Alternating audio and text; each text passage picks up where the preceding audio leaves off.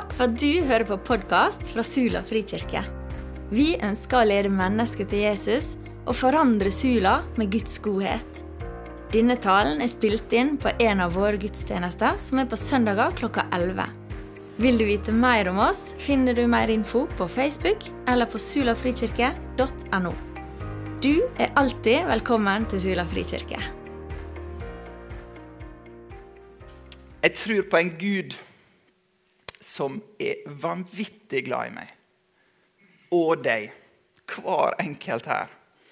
Du og meg er Guds aller beste person. Han elsker deg mer enn noe i universet. Se for deg den fineste laguna, det paradiset på Bahamas. Se for deg liksom nydelig natur fantastisk dyr og ting som bare altså, Se for deg et paradis. Han elsker deg mer enn det fineste. Guds nåde, den har ingen grense heller. Den har ingen sånn maksimum. Altså Her når han. Dette er Guds nåde. Det som er utafor, ja, den har ingen grense. Uavhengig av om du har hatt gode foreldre og har gode foreldre her, så er du alltid en fantastisk far i himmelen som elsker deg som sitt eget barn. Og det er noe vi kan relatere oss til, som vi som er foreldre. Han elsker oss som vår egen. Og så skal, så skal du vite at der du føler du, har der du feiler, der har Jesus seira. Der du føler du ikke strekker til, der har Gud vært med sin nåde. Og der du føler du svikter, der har Gud vært med sin nåde også. Gud har ingen hvem som helst. Og det tror jeg vi vet. Han er skaperen av universet. Jeg tror han er lov å sette standarden. Det er han som sier dette her. Dette er godt nytt, ikke sant? Men dette er gammelt nytt. Du tenker kanskje Henrik, er det, er dette her du kommer for å si? ja.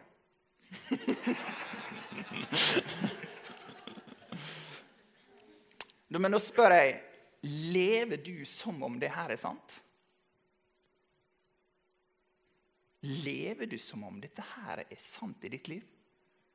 Det står i andre kor fem. Den som er i Kristus, den er en ny skapning. Og det gamle er borte. Jeg gjentar borte. Det er vekk. Det som var før, er vekk. Lever vi som om det er sånn? Tror vi på det? Tenk på det. Lever jeg som om at dette er sant? Våkner jeg på en måte hver dag og sier takk Gud, for i deg så makter jeg alt. Nå kan jeg starte dagen. Det er ingenting å frykte. Lever jeg sånn? Han elsker oss og meg utrolig masse, uansett hva vi har gjort. Det er ikke lett å tenke når folk snakker om sånne ting. Ja, men Henrik, eh, du vet ikke hva som foregår i livet mitt nå. Du vet ikke hva tanker jeg sitter med. Altså, Du vet ikke hvordan livet mitt er nå. La meg stoppe deg da, litt. Uansett. Uansett hva du har gjort, og hva du kommer til å gjøre. Uansett hvor livet ser ut nå. Og Dette gjelder ikke bare unge som har identitetskrise, og som trenger å på en måte få på plass livet. Det gjelder du som er 70. Det gjelder for ting som skjedde når du var 20, 40 og 60. Ting som er gammelt. Ting som du skal gjøre i morgen. Så er nåden bare så uendelig. La det henge litt der nå. Hvis det eneste du husker, så la det være med det, for dette er det aller viktigste jeg kommer til å si. For ut fra det her så er det på en måte alt livet springer ut. Det her er det du trenger å vite. Jeg skal ikke holde noen preiker, det sa jeg til meg sjøl, men eh, jeg har oppdaga noen forandringer i livet mitt siste året som jeg har lyst til å snakke litt om. Eh, mange vet at jeg har vært ganske aktiv her mye engasjert. Og eh, lagt mye arbeid i mange ting. Jeg forholdt meg til mange forskjellige personer og mange personligheter, mer eller mindre krevende. Så, på en måte, og jeg er en sånn opptatt av, av detaljer. Jeg er en K eh, i personlighetstesten. En sterk K. K står for eh, kontroll, for de som ikke vet det. Uttrykket 'sjølgjort er velgjort' det er da mitt mantra. det er meg i et nøtteskall. Uh, det fører til at ting tar ganske lang tid. Kanskje litt mer tid enn det hadde hatt nødvendig å gjøre. Jeg blir liksom, Der jeg skulle være avslappa og uh, på en måte mottagelig, så har det blitt uh, stressa, opphengt. Hele tida på en måte kjent Eh, på å liksom prestere noe og få til noe og være med på noe. Og, ja, jeg har på en måte hatt muligheten, jeg følt. Jeg har hatt liksom evner. Hvorfor skjer det på en måte ikke noe? Hva er det som, eh, En sånn uro som har ligget i meg. Et sånt spørsmål som ligger høngrer hele tida. Og når jeg ser på det litt sånn nå i ettertid, da, eh, så så det, var det kanskje noen litt sånn usunne utviklinger knytta til tjenesten min og til det livet jeg levde som ja, Jeg var liksom litt sånn urolig og frustrert over mange ting. På alt og alle. Eh, ikke føler jeg truffet noen, altså, men eh, Men mest av alt så tror jeg jeg var veldig frustrert på meg sjøl. Over ting jeg ikke fikk til. Eh, synd i eget liv som jeg ikke ble kvitt hvorfor var jeg sånn? Hvorfor eh, klarte ikke jeg å være en bedre person enn det her? Hvorfor var ikke jeg en bedre leder? Og når korona slo til for fullt og alt stengte ned, da, da var det en som var ganske letta, faktisk. Jeg kjente jeg var litt sånn Å, deilig. Endelig en pause. Endelig en pause. Nå kunne jeg få masse tid å søke Gud og bare lovsynge og være med Han. Yes, dette blir bra. Det tenkte jeg i 2021. eh, men det ble ikke sånn. Det ble stille og tomt. Det ble sånn vakuum. Jeg ønskte å søke Gud. Jeg ønsket å være i hans nærvær. Men jeg visste ikke hvordan. Jeg hadde vært så opptatt av å tjene at jeg hadde helt glemt hvem jeg tjente. Og da, da var djevelen på plass. Og han er lynrask med sine løgntanker. Og til slutt så tenkte jeg at kanskje ikke det, dette er noe for meg. Jeg vil slutte. Masse destruktive tanker som jeg egentlig holdt helt for meg sjøl.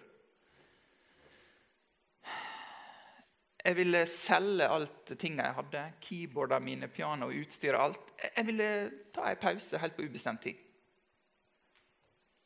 Jeg hadde ikke bruk for det. Og jeg begynte faktisk. Jeg begynte å selge ting. Jeg kvitta meg med masse greier, for jeg hadde ikke bruk. Jeg skulle slutte. Det, det var det jeg tenkte. Jeg fikk liksom masse rare tanker at pga. jeg ikke var god nok, så kunne liksom, gjorde de rette tida, eh, tinga, så kunne ikke Gud bruke meg. Om folk så, så tenkte jeg også at det, fordi jeg ikke gjorde mitt aller ytterste beste hele tida, og gjorde de rette tinga, så ville på en måte ikke folk like meg lenger. Det var ikke interessant lenger. Det var, det var tanker jeg satt med. Tenk, tenk det. Så listig kan djevelen være.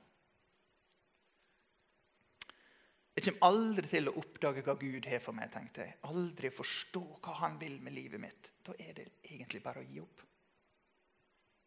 Men Gud, han hadde andre planer. Heldigvis.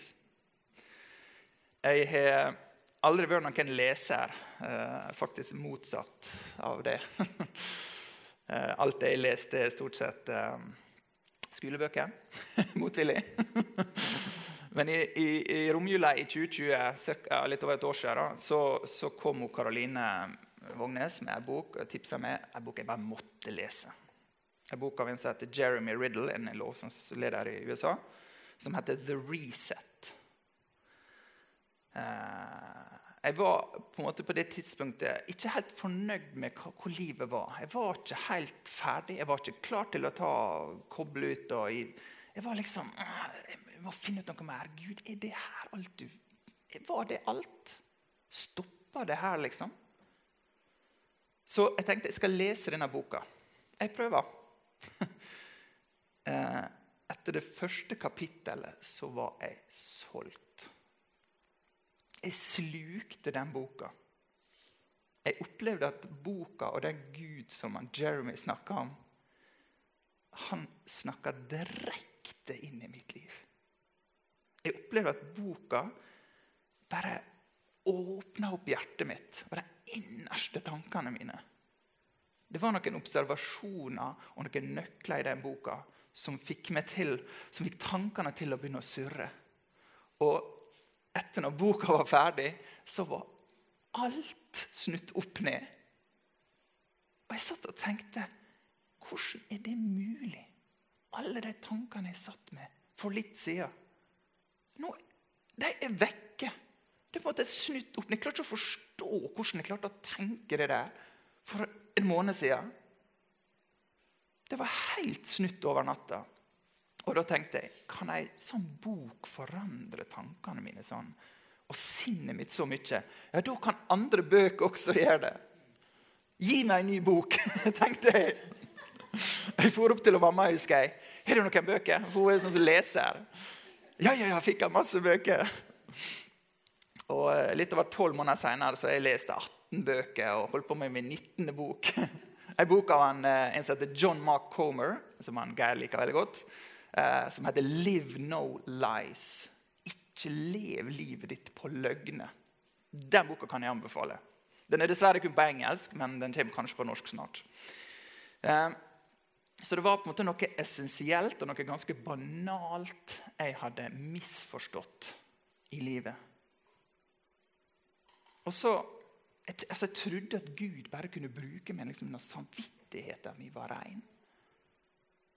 Bare når liksom, jeg klarte å fikse livet. Da kunne Gud bruke meg. Altså Alt var på stell. Da var liksom Gud klar. Da kunne jeg være i aksjon. Når jeg fiksa det. Men så kan du kanskje spørre oss som sitter her, da. Har ikke du fulgt med, du? Etter så mange møter og andakter du, jeg vet du har vært på. Dette er jo kjerna i frelsesbudskapet. Av nåde er dere frelst. Men én ting det er å vite om det her, og en annen ting det er å anvende det på eget liv. Det er to forskjellige ting. Som mennesker så tror jeg vi vil fortsette å søke og søke hvis vi ikke søker på rett plass. Da er det sånn tomrom der som aldri vil bli fylt. Jeg føler jeg har søkt på feil plass, etter feil ting. Eh, alle som er kristne, de håper jeg vet at dere er frelst av nåde. Og det vet jeg også. Men i praksis så er det på en måte starta med det. Og så tar jeg over. Nå er det liksom min tur å fullføre. Nå må jeg liksom begynne å ta meg sammen. Men jeg lærte at nåden han ikke bare frelser, han også utholder oss. Og Den store forandringa for meg det kom når jeg oppdaga at jeg måtte komme med livet som det var til Gud. Ikke en fin gavepakke. Liksom tatt ut det fineste og ditt til Gud. Jeg måtte bare ta hele livet og si Gud, det er helt fryktelig, men sånn er det. Kom og bruk meg.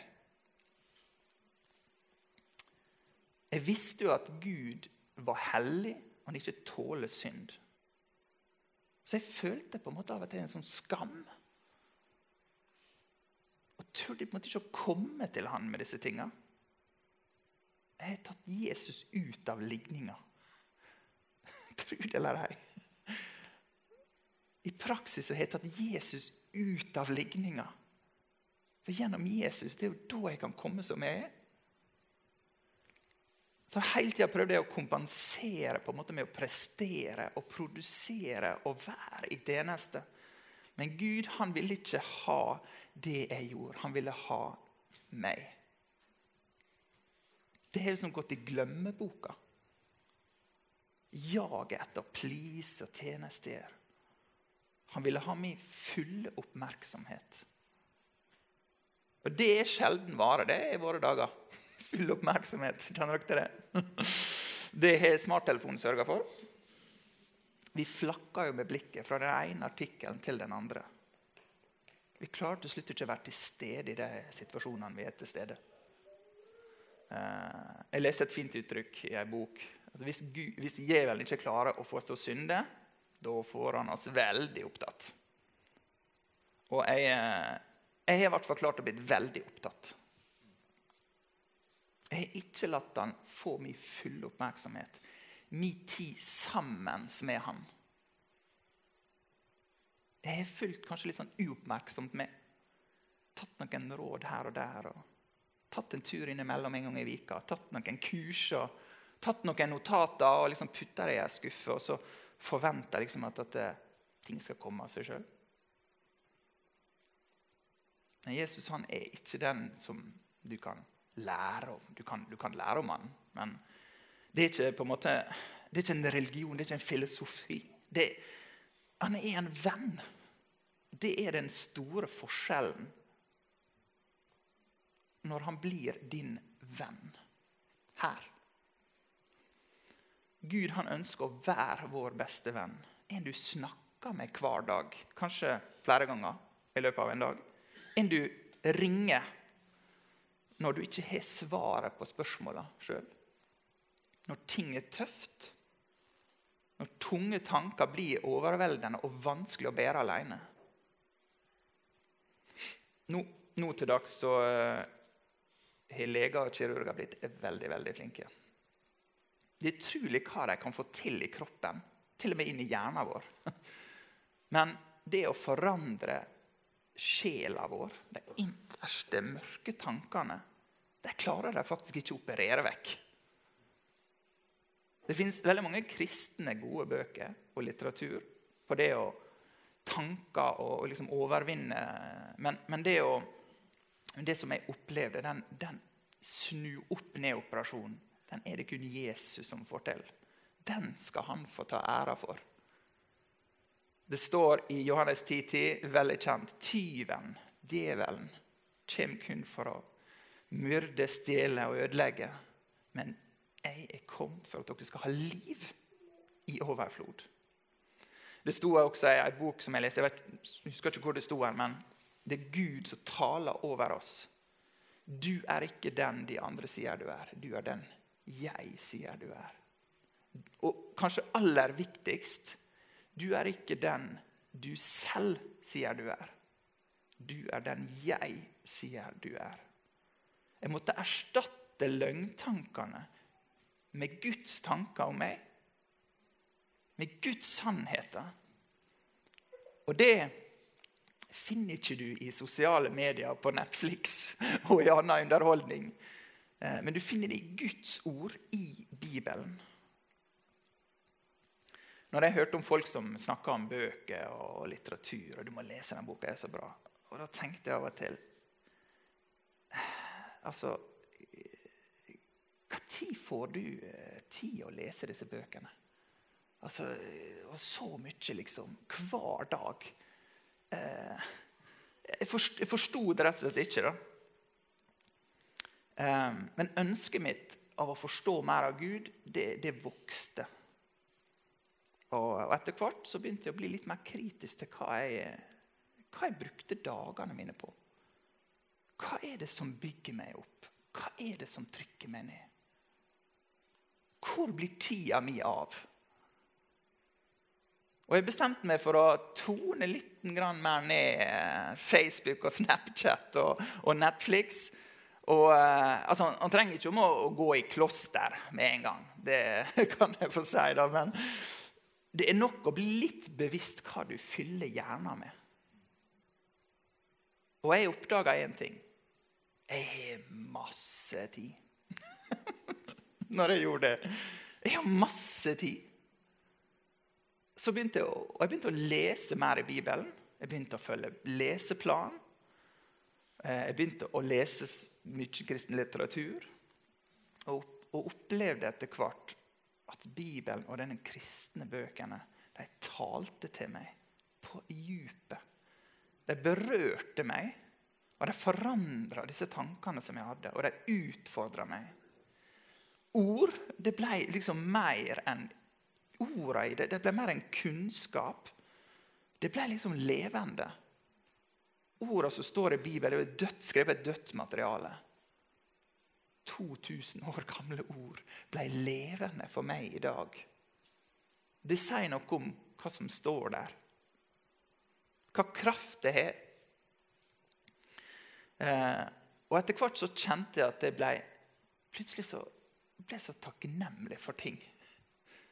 Ting som jeg før bare hadde tenkt at det var bare sånn. Det, det, det, det er bare sånn. Der jeg før på en måte hadde følt meg stressa på å prestere og levere og liksom mestre ting, så kunne jeg bare ah, slappe av. Jeg fikk en sånn spesiell ro. Og humøret mitt forandra seg. Jeg ble plutselig så glad og fornøyd.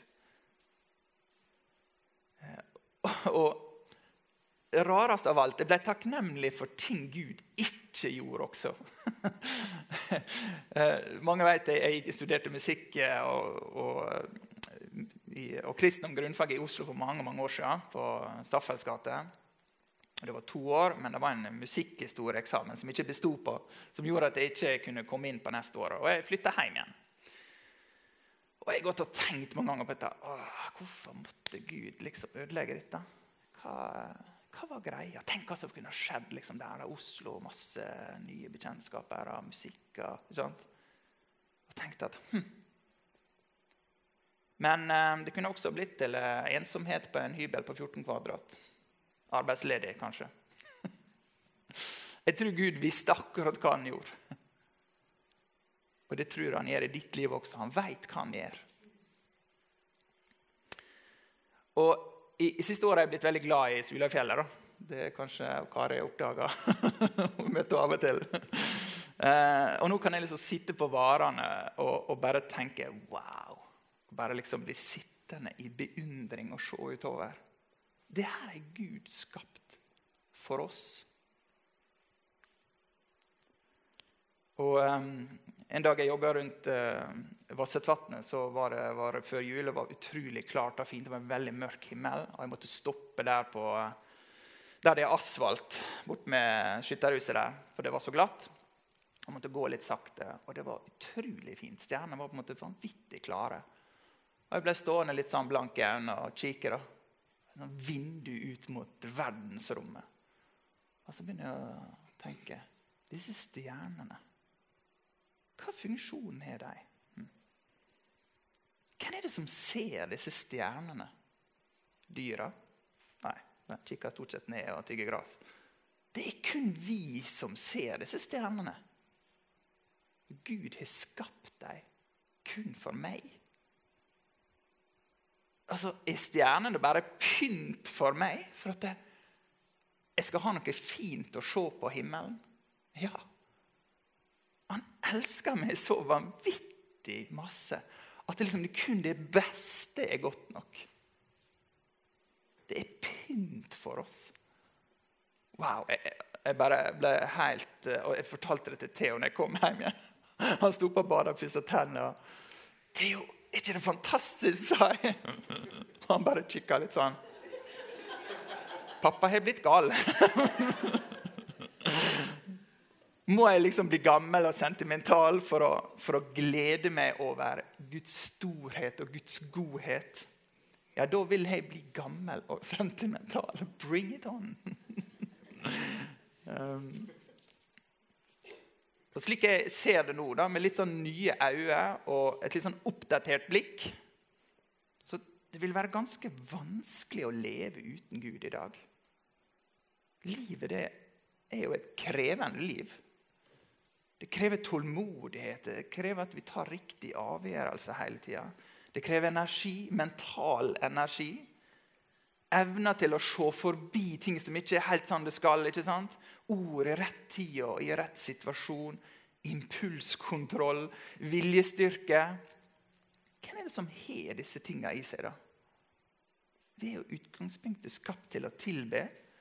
Men så er vi bare mennesker som liksom feiler og tryner hele tida. Vi er nødt til å vende oss til Gud. Vi trenger på en måte både sannhet og ånd. Ånd og sannhet. Vi trenger ikke bare å vite, vi trenger et personlig forhold. Og vi trenger å bli fylt av Den hellige ånd. Men hvis du har lyst til å kjenne at du har lyst til å kjenne mer av Gud, så tror jeg du må ta det første steget. Du må på en måte ta initiativet.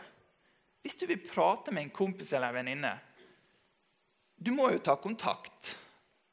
Det er ikke så lett å få oppmerksomhet med noen som står liksom med ryggen til og holder på med sitt. Vi, vi, lever i dag i et samfunn som jeg tror er fullt av åndelige kamper. Det tror jeg mange har oppdaga hvis du leser litt og er litt interessert. Samfunnet, sosiale medier, det bombarderer oss hele tida med løgner. Om hva som er vanlig, hva som er akseptert. Det å ha en Gud som rettleder oss, det, liksom, det blir mer og mer unormalt. Ikke la noen få styre deg. ikke sant? Du definerer din egen sannhet. Frihet til å gjøre hva du vil fordi du fortjener det.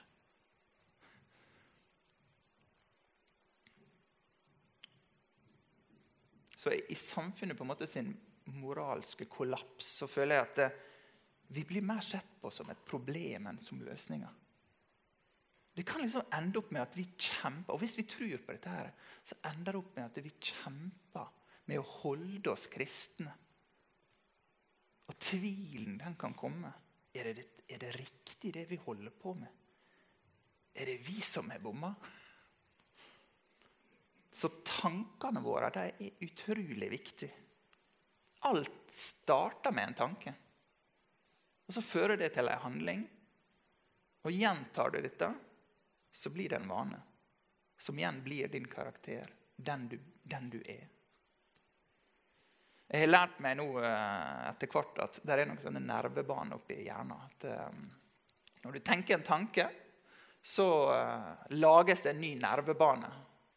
Og Hvis du tenker den igjen, så blir den litt kraftigere. Da blir det sporet litt kraftigere. Så det er veldig lett å tenke den igjen. Uvane, tenker du kanskje? ja? Det er rett og slett sånn det fungerer. Og Det er ikke fordi du er en dårlig person, fordi du er elendig viljestyrke. Det er rett og slett eh, fysikk. Det er menneskelig. Har du tenkt over at den samme evna vi mennesker har til å se for oss ting, eh, til å drømme, se for oss noe som ikke er reelt, noe som ikke er der enda. Den samme evna Gud har gitt oss, den kan djevelen misbruke til å plante løgntanker og frykt i oss. Så tanker er veldig viktig. Eh, den, den aller største løgna djevelen har fått mange til å tro på, vet du hva det er?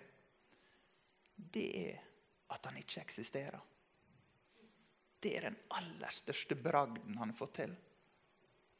Så det gjelder å ha de rette tankene om seg sjøl, om mennesket, andre mennesker og om Gud.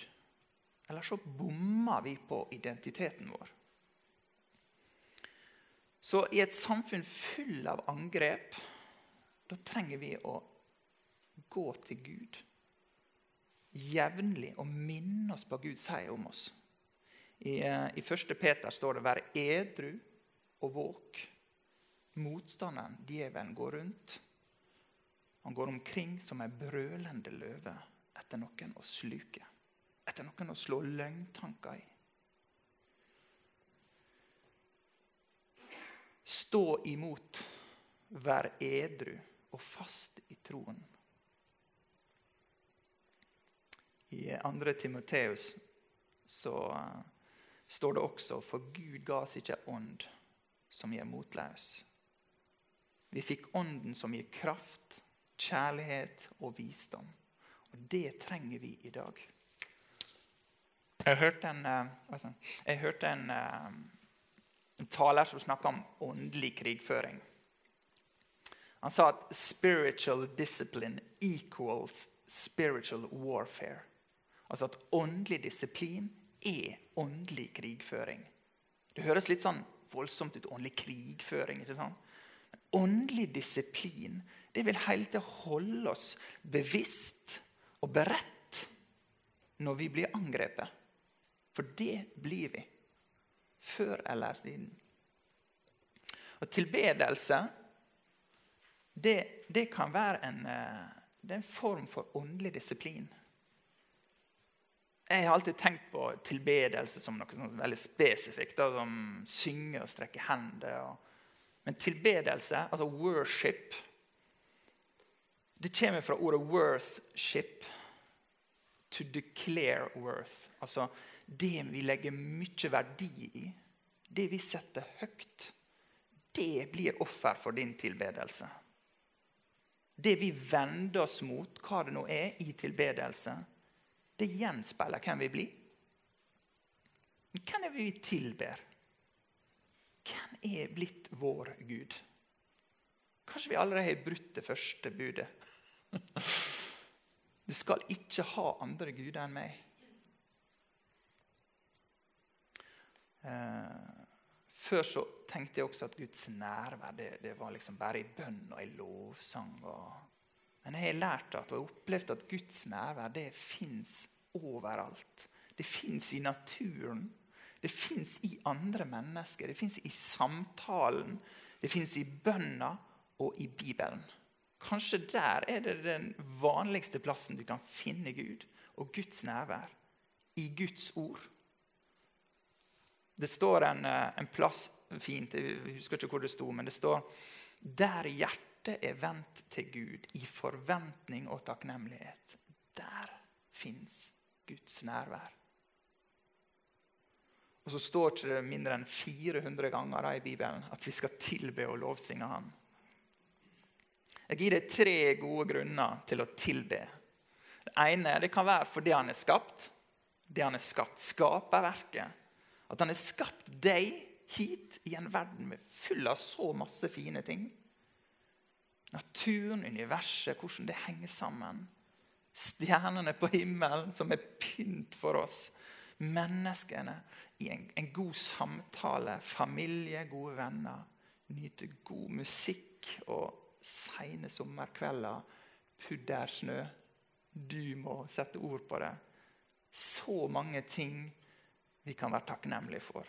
Som vi kan takke Gud for. Det andre tingen, for det han har gjort for oss, at han ofra seg, sin sønn, sin aller kjæreste, for at vi ikke skulle gå fortapt. Han elsker oss så mye, og han vil at vi skal søke ham. Og det tredje for at i Gud så finner vi vår identitet. Å søke Guds ansikt det er det noen som, som sier, og det står Jeg tenkte, Hva betyr det å søke Guds ansikt? Det var så vanskelig å få fatt på. Men jeg har opplevd at Guds ansikt, det rette bildet av Gud Der finner du det rette bildet av deg. Den originale versjonen av deg slik Gud skapte deg egentlig før du ble skitna til av verden. Forurensa av synd. Der finner du på en måte ditt egentlige potensial. Og så tenker du kanskje «Ah, jeg føler ikke for å tilbe. Jeg føler ikke for å søke Gud og lovsynge. Følelser forandrer ikke Guds karakter. Følelser gjør ikke det mindre viktig å lovsynge og tilbe. Følelser forandrer ikke Guds godhet. Følelser forandrer ikke Guds ånd og hva den kan gjøre med deg gjennom tilbedelse. Men jeg har ikke tid, tenker du. Jeg er så opptatt med masse ting. Min tid er dyrebar. Akkurat. Gi den til Gud. Lovsang som vi fikk være med på her i stad, det er jo en måte å uttrykke tilbedelse på. Det er tilbedelse med toner og ord.